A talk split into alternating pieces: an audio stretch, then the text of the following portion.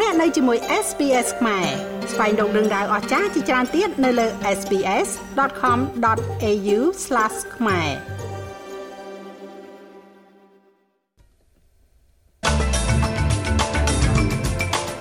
អតីតប្រធានតុលាការកំពូលលើកឡើងពីមូលហេតុដែលលោកគ្រប់គ្រងសម្លេងជនជាតិដើមភាគតិចទៅកាន់សភា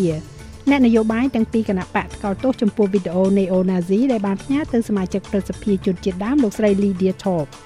នៅតែមានការប្រកាសអាសន្ននៅក្នុងរដ្ឋ Victoria ខណៈដែលស្ថានភាពទឹកជំនន់មានការវិវត្តយ៉ាងឆាប់រហ័ស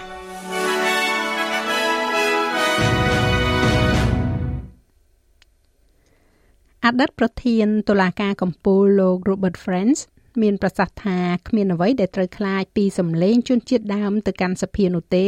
ដោយប្រកាសថាវាគឺជាសម្លេងរដ្ឋធម្មនុញ្ញ ក្រុមអ្នកធ្វើយុទ្ធនាការណូនិយាយថាពួកគេព្រួយបារម្ភអំពីសក្តានុពលនៃវិវាទដ៏ច្រើនដែលកើតឡើងពីស្ថាប័ន The Voice to Parliament ដែលផ្ដល់ដំបូន្មានដល់រដ្ឋាភិបាលប្រតិបត្តិទោះបីជាស្ថាប័ននេះមិនមានអំណាចវេតូក៏ដោយហើយសមាជិកនឹងកំណត់ច្បាប់ស្ដីអំពី The Voice នៅក្នុងសន្ទរកថានៅក្លឹបសារព័ត៌មានជាតិលោក Friends និយាយថាការរិះគន់ទាំងនោះមិនស្ថិតនៅក្រោមការវិភាគលម្អិតផ្នែកច្បាប់ទេ So far as high level policy រហូតមកទល់នឹងពេលនេះការសម្រេចចិត្តគោលនយោបាយកម្រិតខ្ពស់ត្រូវបានបារម្ភដោយអ្នកប្រតិបត្តិច្បាប់ពួកគេមិនបានកែប្រែដើម្បីការប្រជែងនឹងតុលាការទេហើយហេតុផលសម្រាប់នោះគឺគេជារឿយៗពាក់ព័ន្ធទៅនឹងការពិចារណាពហុភាគីនៃផលប្រយោជន៍សាធារណៈនិងការវិនិច្ឆ័យនយោបាយដែលតុលាការមិនរាប់បញ្ចូលនៅក្នុងនោះនោះទេ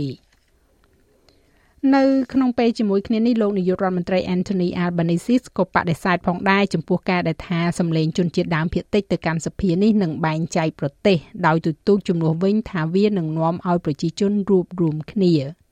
ប៉ុន្តែអ្នកធ្វើយុទ្ធនាការណូនាំមុខគេគឺលោក Warren Mundin និងអតីតនាយករដ្ឋមន្ត្រីលោក Tony Abbott បានចេញទៅធ្វើយុទ្ធនាការនៅទីក្រុង Sydney ប្រធានសភាពាណិជ្ជកម្មជនជាតិដើមភាគតិចអូស្ត្រាលីគឺលោក Mundin មានប្រសាសន៍ថាលោកមិនជឿថាសម្លេងទៅកាន់សភានេះគឺជាការចាំបាច់នោះទេ We didn't have to go down this this road. We could have done it easier. យើងមិនចាំបាច់ត្រូវនៅដាវតាមផ្លូវនេះទេ យើងអាចធ្វើវាបានកាន់តែងាយស្រួលតាមរយៈច្បាប់និងកិច្ចការផ្សេងផ្សេងទៀតប៉ុន្តែខ្ញុំតែងតែនិយាយថាយើងត្រូវធ្វើការជាមួយគ្នាទោះបីជាមានការបំពៀបំពៀនទាំងអស់ដែលខ្ញុំបានដោះស្រាយឲ្យក៏ដោយខ្ញុំទុកវាមួយឡែកព្រោះវាស្ដីអំពីប្រទេសនេះហើយវាស្ដីអំពីជនជាតិដើម។ ការបោះឆ្នោតប្រជាមតិនឹងធ្វើឡើងនៅថ្ងៃទី14ខែតុលាហើយលោកអ្នកអាចស្វែងរកព័ត៌មានដ៏ទូលំទូលាយអំពីការធ្វើប្រជាមតិដោយចូលទៅកាន់ SBS White Referendum Portal ដែលមានអាសយដ្ឋាន www.sbs.com.au/voicereferendum ភាគីទាំងពីរនៃនយោបាយ បានបន្តថ្កោលទោសវីដេអូដែលផ្ញើទៅកាន់សមាជិកព្រឹទ្ធសភាជនជាតិដើមភាគតិចលោកស្រី Lydia Thorpe ដែលបង្ហាញពីបរិះម្នាក់កំពុងសូលសេចក្តីថ្លែងការណ៍ជ្រុលនិយមដុតទង់ជាតិរបស់ជនជាតិដើមដំបូង First Nation និងធ្វើការគោរពវន្ទារូបសញ្ញាណាស៊ី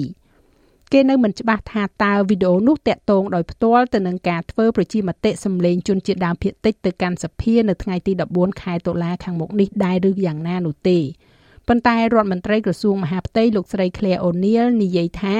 លោកស្រីមានការព្រួយបារម្ភយ៉ាងខ្លាំងអំពីការកើនឡើងជាក់ស្ដែងនៃលទ្ធិជ្រុលនិយមស្ដាំនិយមនិងការស្អប់ខ្ពើមជាតិសាសន៍ជាពិសេសនៅមុនការបោះឆ្នោតប្រជាមតិនេះ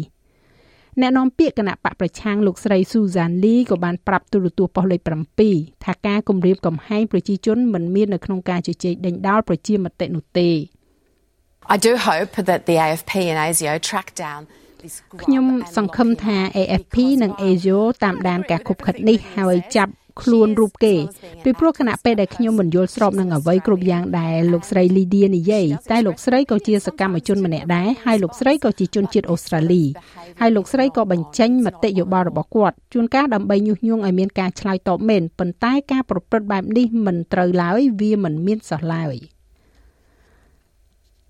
ក្រុមសង្គ្រោះបន្ទាន់កំពុងតែបន្តការប្រយុទ្ធតស៊ូដើម្បីការពារផ្ទះសម្បែងនិងដីស្រែចម្ការពីទឹកជំនន់ដែលជន់លិចឡើងពាសពេញភៀកតំបន់ភៀកខាងកើតរដ្ឋ Victoria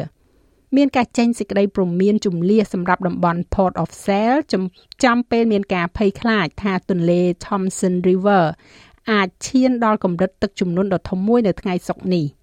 អ្នកស្រុកត្រូវបានគេប្រាប់ថាมันមានសវត្ថភាពក្នុងការវិលត្រឡប់ទៅទីក្រុងវិញទេ ហើយជំនួសមកវិញ ពួកគេគួរតែរកទីជម្រកស្នាក់នៅក្នុងទីតាំងខ្ពស់បំផុតតំបន់ដែលមានហានិភ័យបំផុតទំនងជារួមមាន South Gippsland Highway,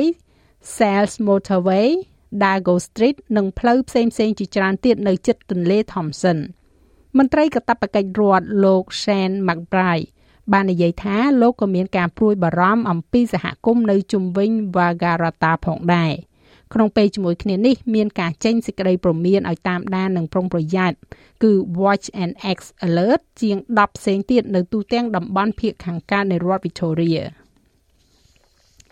នៅឯរដ្ឋ Queensland ឯណោះវិញរបាយការណ៍ប្រចាំឆ្នាំមួយបានបង្ហាញថាមន្ត្រីប៉ូលីសរដ្ឋ Queensland ភ ieck ច្រើនដែលត្រូវបានចោទប្រកាន់ពីបទរំលោភបំពានឬក៏ប្រើកម្លាំងហួសហេតុបានរួចផុតពីការដាក់ទណ្ឌកម្មផ្នែកវិន័យនៅក្នុងចំណោមការចោទប្រកាន់ជាង5500ករណីនៅក្នុងឆ្នាំមុនសកម្មភាពបន្ថែមទៀតត្រូវបានណែនាំឡើងទៅលើពាក្យបណ្ដឹងជិត1000ករណីប៉ុន្តែ90%ជាលទ្ធផលមិនមានការដាក់ទណ្ឌកម្មផ្នែកវិន័យទេ វាកាលឡើងតែប៉ុន្មានសប្តាហ៍ប៉ុណ្ណោះបន្ទាប់ពីមន្ត្រីសេវាកម្មប៉ូលីសរដ្ឋ Queensland 4រូបដែលត្រូវបានកត់ត្រាថាបានធ្វើអត្ថាធិប្បាយដោយហិង្សានិងការរើសអើងជាតិសាសន៍ត្រូវបានគេបង្ហាញឲ្យដឹងថាអាចរក្សាការងាររបស់ពួកគេបាននិងគេចផុតពីការវិន័យលោកស្រី Maggie Moon នាយកជាតិនៃ Change the Record បានចោទសួរពីដំណើរការដាក់វិន័យនេះ។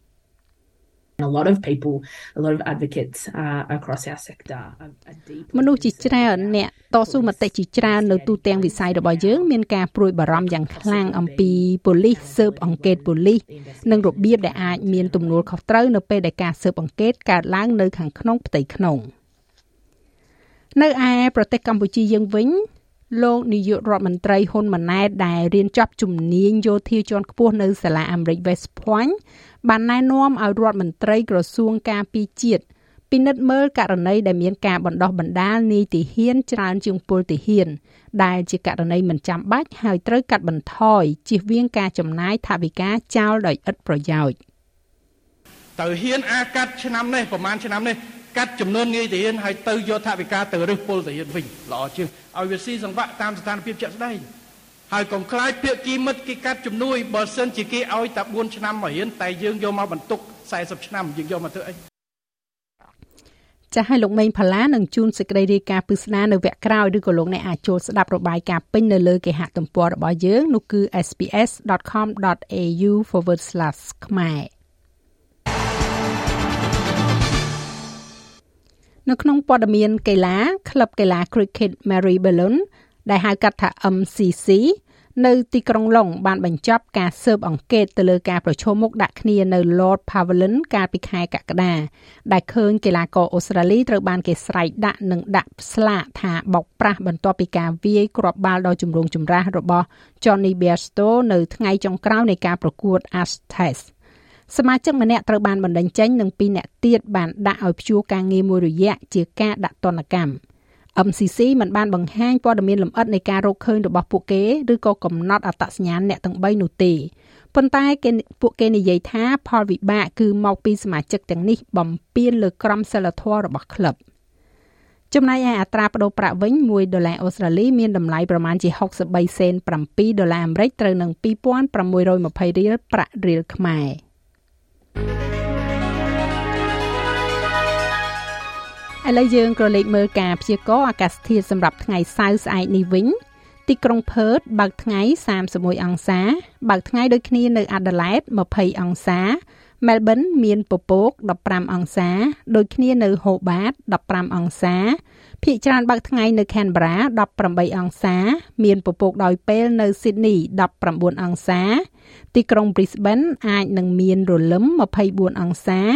អាចមានរលឹមដូចគ្នាផងដែរនៅទីក្រុង Cairns 30អង្សា នៅទីក្រុង Darwin បើកថ្ងៃ35អង្សា និងនៅទីក្រុងភ្នំពេញ មានផ្គររលឹម33អង្សា thank you